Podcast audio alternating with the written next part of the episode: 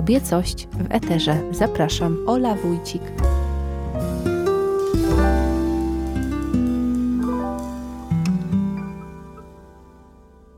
To jest spełnienie moich dziecięcych marzeń. Sobotni wieczór, kubek stygnącej herbaty, piękna pomarańczowa róża, którą dostałam i puste studio, mikrofon, słuchawki, konsoleta tylko dla mnie.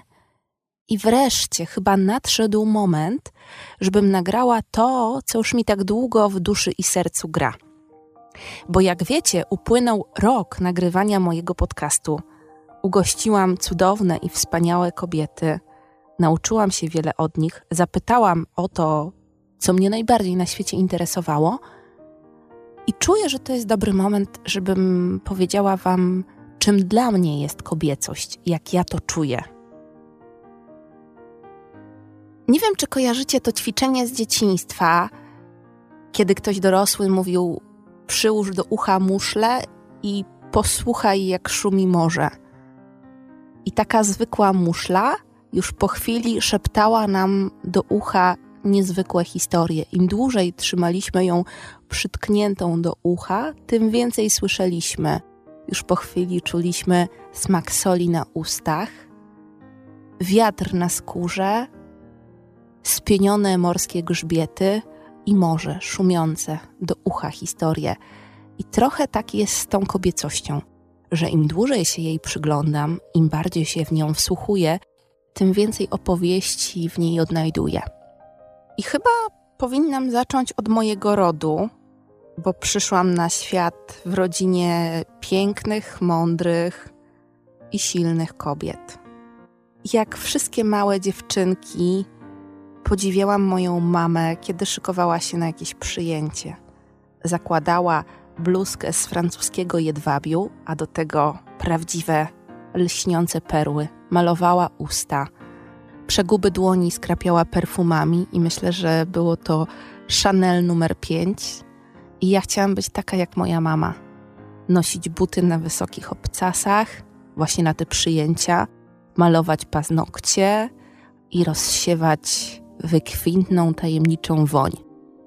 A skoro o woniach mowa, to z kolei na tych samych imieninach i przyjęciach razem z moim tatą zakradaliśmy się i sprawdzaliśmy zawartość toaletek moich cioć. Jak pachną te tajemnicze flakony, co kryją te kolorowe tubki. Jak dodam, że mój tata jest jubilerem z zawodu, to na pewno będziecie mieli obraz tego, czemu byłam taką małą sroką. Trochę tacie pomagałam w warsztacie i zawsze dziwnym trafem jakiś mały klejnot trafiał do mojej dziecięcej kolekcji kolorowych kamyczków. Jeśli chodzi o kobiety z mojego rodu, to warto tu wspomnieć o babci Zosi, która miała piękny ogród pełen kwiatów, roślin i ziół.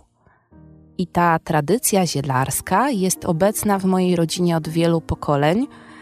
Tak trochę patrzę na te kobiety jak na uzdrowicielki, jak na te, które samodzielnie potrafią znajdować rozwiązania na różne problemy rodziny i przyjaciół. Więc ja też znam nazwy wielu ziół i kwiatów i coraz bardziej świadomie z nich korzystam. To było niezwykłe, kiedy w pierwszej fali pandemii, uwięziona w mojej kawalerce, zaczęłam nagle hodować niezapominajki i truskawki i lawendę. I w mojej kawalerce pojawiło się mnóstwo, mnóstwo roślin. Myślę, że to było jakieś oczko puszczone przez świętej pamięci babcię Zosię, która mnie właśnie tej troski o rośliny nauczyła. Kobiety z mojego rodu to również te, które karmią. Ja jako dziecko podawałam babci przyprawy podczas gotowania, a moja mama jest prawdziwą czarodziejką tortów, ciast i zdrowego żywienia. Także wiecie, jak teraz rozpoczął się trend na kuchnię śródziemnomorską, na kuchnię roślinną, to ja już to wyssałam z mlekiem matki. Moje pierwsze ciasto upiekłam chyba w trzeciej klasie podstawówki. No i zawsze, kiedy odwiedzę moją mamę, to jestem najedzona, nakarmiona, napojona, jak w najlepszej restauracji. Myślę, że kobiety z mojej rodziny cenią sobie również magię opowieści, krzepiących na duchu, historii, książek. Jest piękny obraz, którego tak naprawdę nie widziałam, ale mam go w pamięci, ponieważ moja prababcia żyła na kolonii, to jest coś takiego jeszcze mniejszego niż wieś. I tam, w szczerym niemalże polu, miała drewniany dom z najprawdziwszą biblioteką.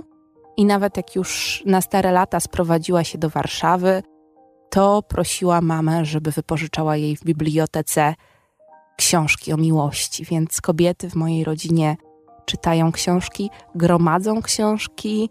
Kolekcja mojej mamy już powoli przestaje się mieścić w jej domowych zbiorach. Tak, tak, o tobie mówię, mamo.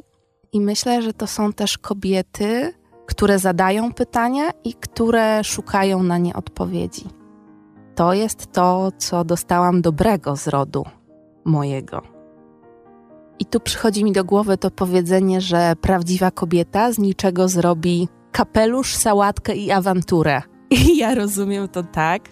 Kapelusz to jest ta kreatywność, że czasami z zasłony można zrobić sukienkę albo zaimprowizować danie z trzech składników, które ma się w lodówce. No i tu jest właśnie ta sałatka. No a awantura to powiedziałabym, że to jest zaznaczanie swoich granic. No właśnie, i to jest cenne, coś, co musiałam ja odkryć w moim dorosłym życiu, że my kobiety nie musimy się na wszystko zgadzać.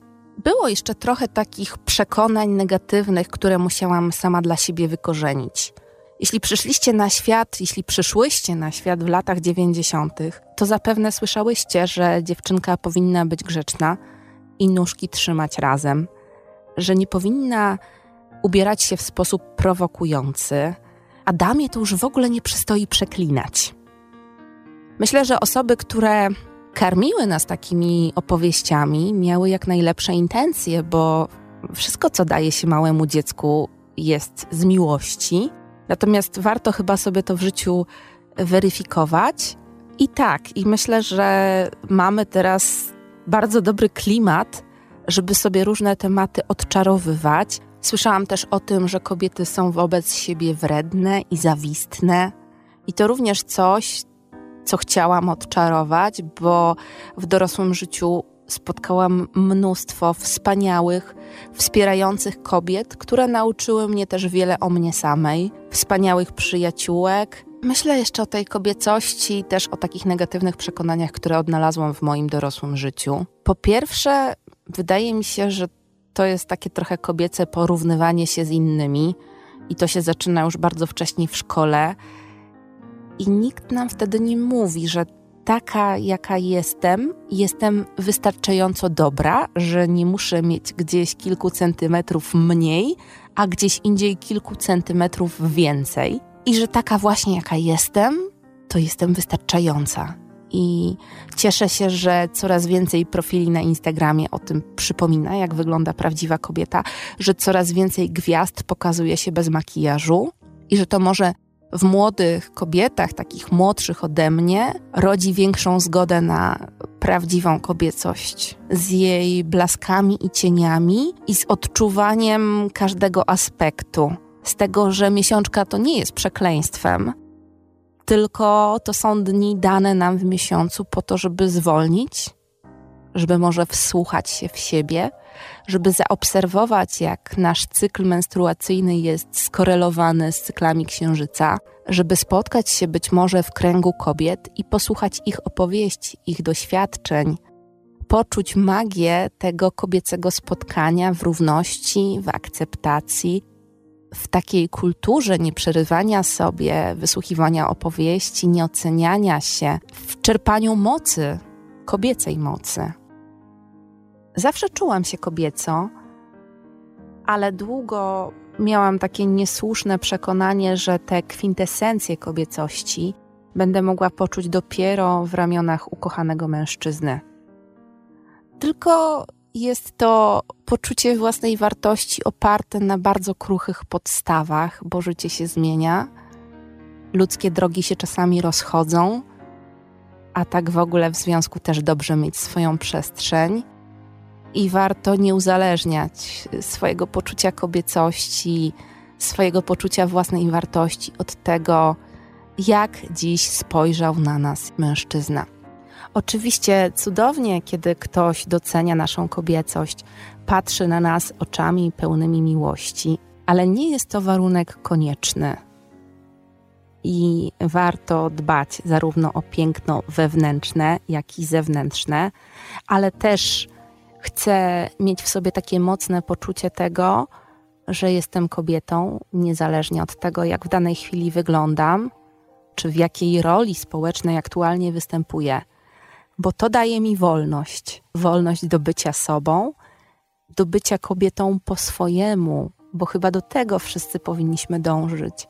Do bycia sobą, do odkrycia swojej esencji i życia nią każdego dnia taki prawdziwy i autentyczny sposób.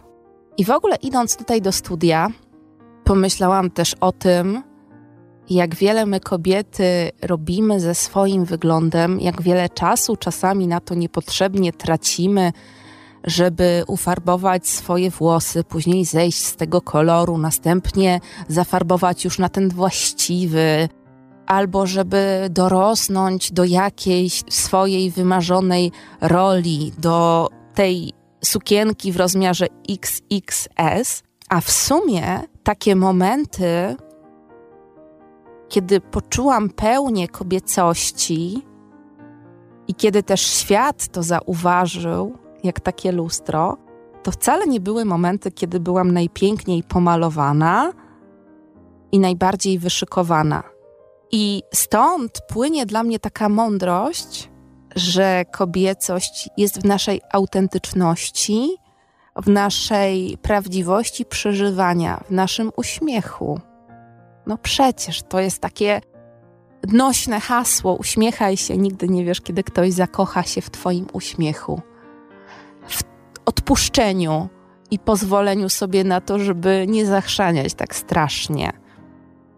W rozpieszczaniu siebie, w tym luzie, w płynięciu, w naszej naturalnej ekspresji. I tu pięknie Natalia de Barbaro w czułej przewodniczce mówi o dzikiej dziewczynce, o tej, która jeśli ma ochotę na balonika z helem, to niezależnie od tego, czy ma lat 6 czy 60, to sobie go po prostu kupuję. Kiedy ostatnio kupiłaś sobie kwiaty? Bo ja sobie kupuję kwiaty. Kiedy ostatnio poszłaś na randkę sama ze sobą? Kiedy ostatnio powiedziałaś to piękne i uwalniające nie? Bo masz do tego prawo, jeśli nie czujesz tej pracy, tej relacji, tej znajomości masz prawo do swoich granic. To jest takie ważne dla mnie, że nauczono nas, że nie mogę tu mówić za wszystkie kobiety, ale ja tak czułam, że fajnie się jest zgadzać, cieszyć się z jakichś nie do końca dobrych rozwiązań. A czasami naprawdę pięknie jest powiedzieć nie. W takiej wolności, i pięknie jest też spełniać nasze marzenia, również te irracjonalne. Był taki przełomowy moment w moim życiu, w którym bardzo mocno szukałam siebie i poczułam, że droga do mnie samej wiedzie przez taki najgłębszy kontakt ze sobą, i dla mnie symbolem tego była samotna podróż. Opowiadam to w jednym z odcinków. Pamiętam, jak powiedziałam do mojej mamy, że pojadę sama do Hiszpanii i usłyszałam, że kobiety nie podróżują same, bo to jest niebezpieczne. Później poszłam sama na Camino. Po prostu poleciałam sama do Porto i wyruszyłam po żółtych strzałkach z Porto do Santiago de Compostela. Przeszłam jakieś 250 ileś kilometrów.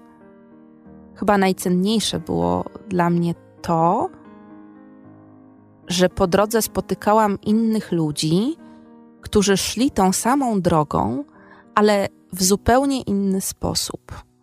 I też był taki moment, że zastanawiałam się, dlaczego ja robię to tak, a nie inaczej. Czyli na przykład niektórzy korzystali z bardzo szczegółowych map i przewodników, w których opisany był niemalże każdy kamień. Inni wyruszali przed świtem i pokonywali dziennie 60 kilometrów.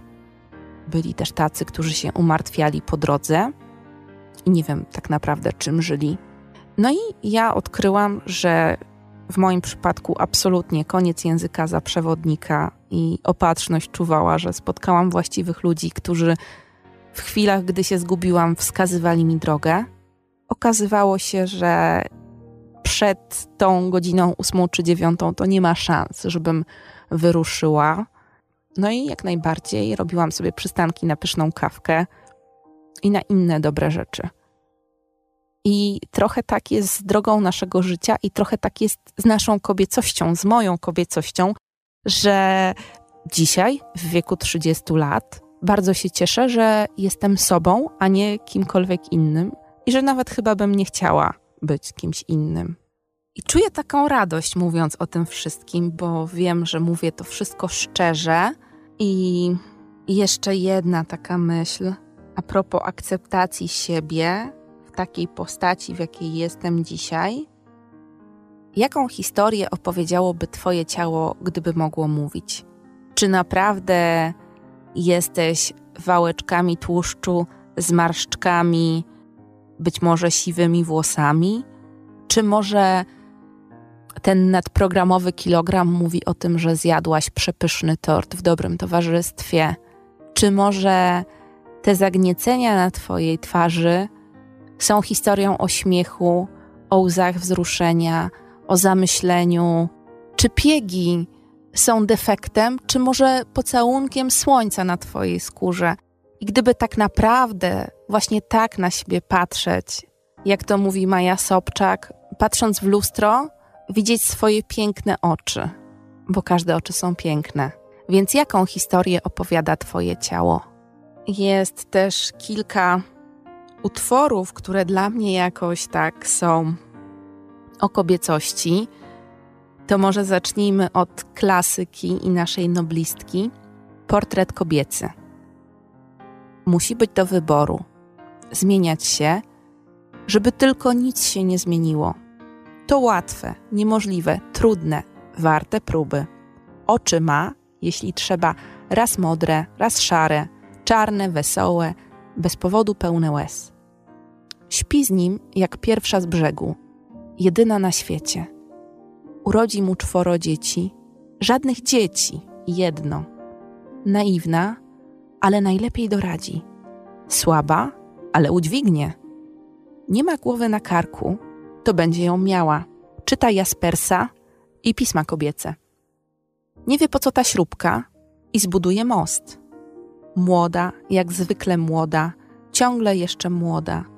Trzyma w rękach wróbelka ze złamanym skrzydłem, własne pieniądze na podróż daleką i długą, tasak do mięsa, kompres i kieliszek czystej. Dokąd tak biegnie? Czy nie jest zmęczona? Ależ nie, tylko trochę, bardzo nic nie szkodzi. Albo go kocha, albo się uparła na dobre, na niedobre i na litość boską. Dla mnie to jest utwór o wielu wymiarach kobiecości. Jeśli mam się odnieść do moich gości, to Asia Lelejko w naszej rozmowie mówiła o tym, że my nie musimy być zaszufladkowane na całe życie. To jest ta cicha i spokojna. To jest ta rozgadana i głośna w określonym kontekście możemy albo tańczyć tango, albo zapisać się na boks, jeśli jest taka potrzeba. To wszystko jest ok. Osoba spokojna może czasami tupnąć nogą, a ta ekspresyjna może czasami wsłuchać się w wewnętrzną ciszę. Kiedy będę starą kobietą, zacznę nosić purpurową suknię z czerwonym kapeluszem choć nie pasuje ani do mnie, ani do sukni. I wydam całą rentę na brandy i letnie rękawiczki i na satynowe sandały. I będę siadać na krawężnikach w chwili zmęczenia i podjadać ciastka w cukierni i naciskać dzwonek alarmu i stukać moją laską o płot. Nadrobię za wszystkie lata mojej poważnej młodości. Będę wychodzić w kapciach na deszcz i zrywać kwiaty w ogrodzie sąsiada – i nauczę się pluć na odległość. Będę nosić okropne bluzki i może się roztyję. i będę jadła naraz 3 kilo ulubionych słodkości. Albo tylko rzodkiewkę przez tydzień i będę chomikować ołówki i kredki. Ale póki co muszę nosić ciepłe ubrania i dawać dobry przykład dzieciom. Zapraszać przyjaciół na obiad i czytać gazety. Ale może powinnam poćwiczyć już dziś, żeby ci, co mnie znają, nie byli za bardzo zdziwieni, kiedy na starość zacznę nosić purpurową suknię. Jenny Joseph. Kobiecość mnie osobiście kojarzy się również z takim flirtem z rzeczywistością.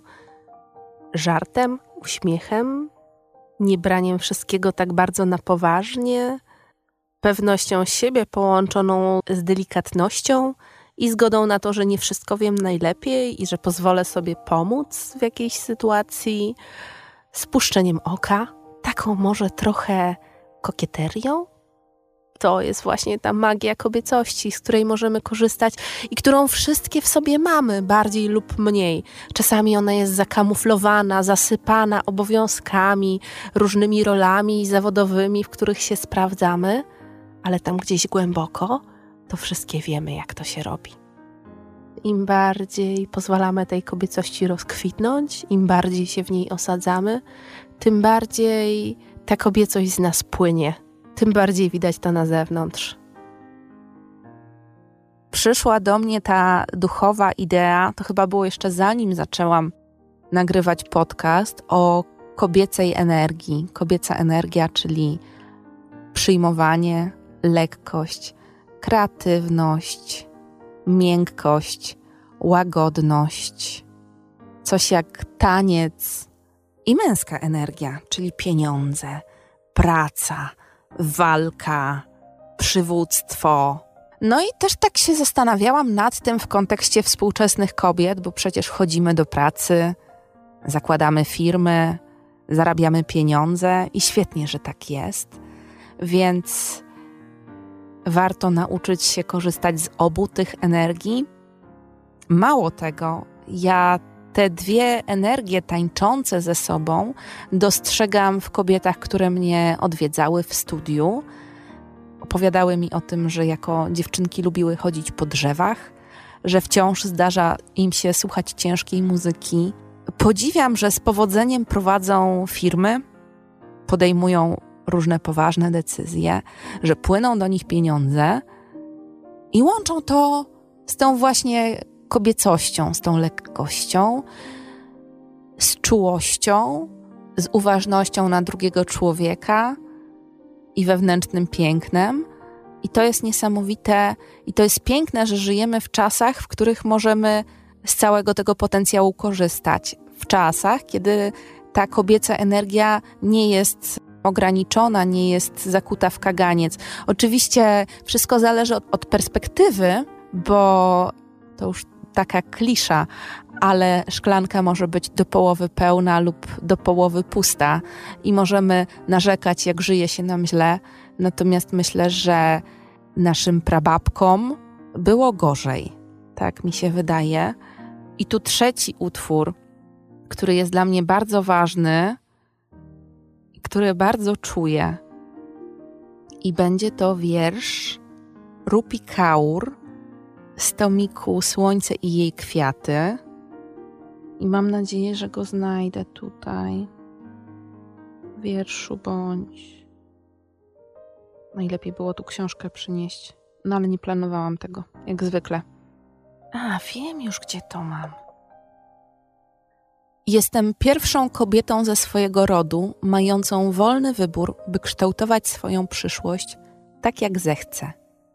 Mówić to, co myślę, kiedy mam ochotę, bez smagnięcia batem. Jestem wdzięczna za setki pierwszych razów, do których moja matka i jej matka i jej matka nie miały prawa.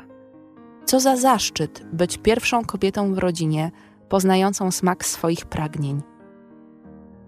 Nic dziwnego, że jestem głodna tego życia. Muszę się najeść za całe pokolenia brzuchów.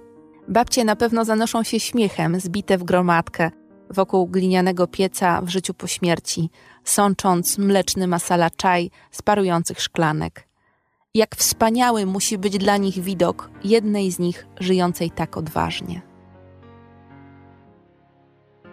I tak sobie myślę o tych wszystkich przekonaniach, dobrych i złych, które dostajemy od naszego rodu,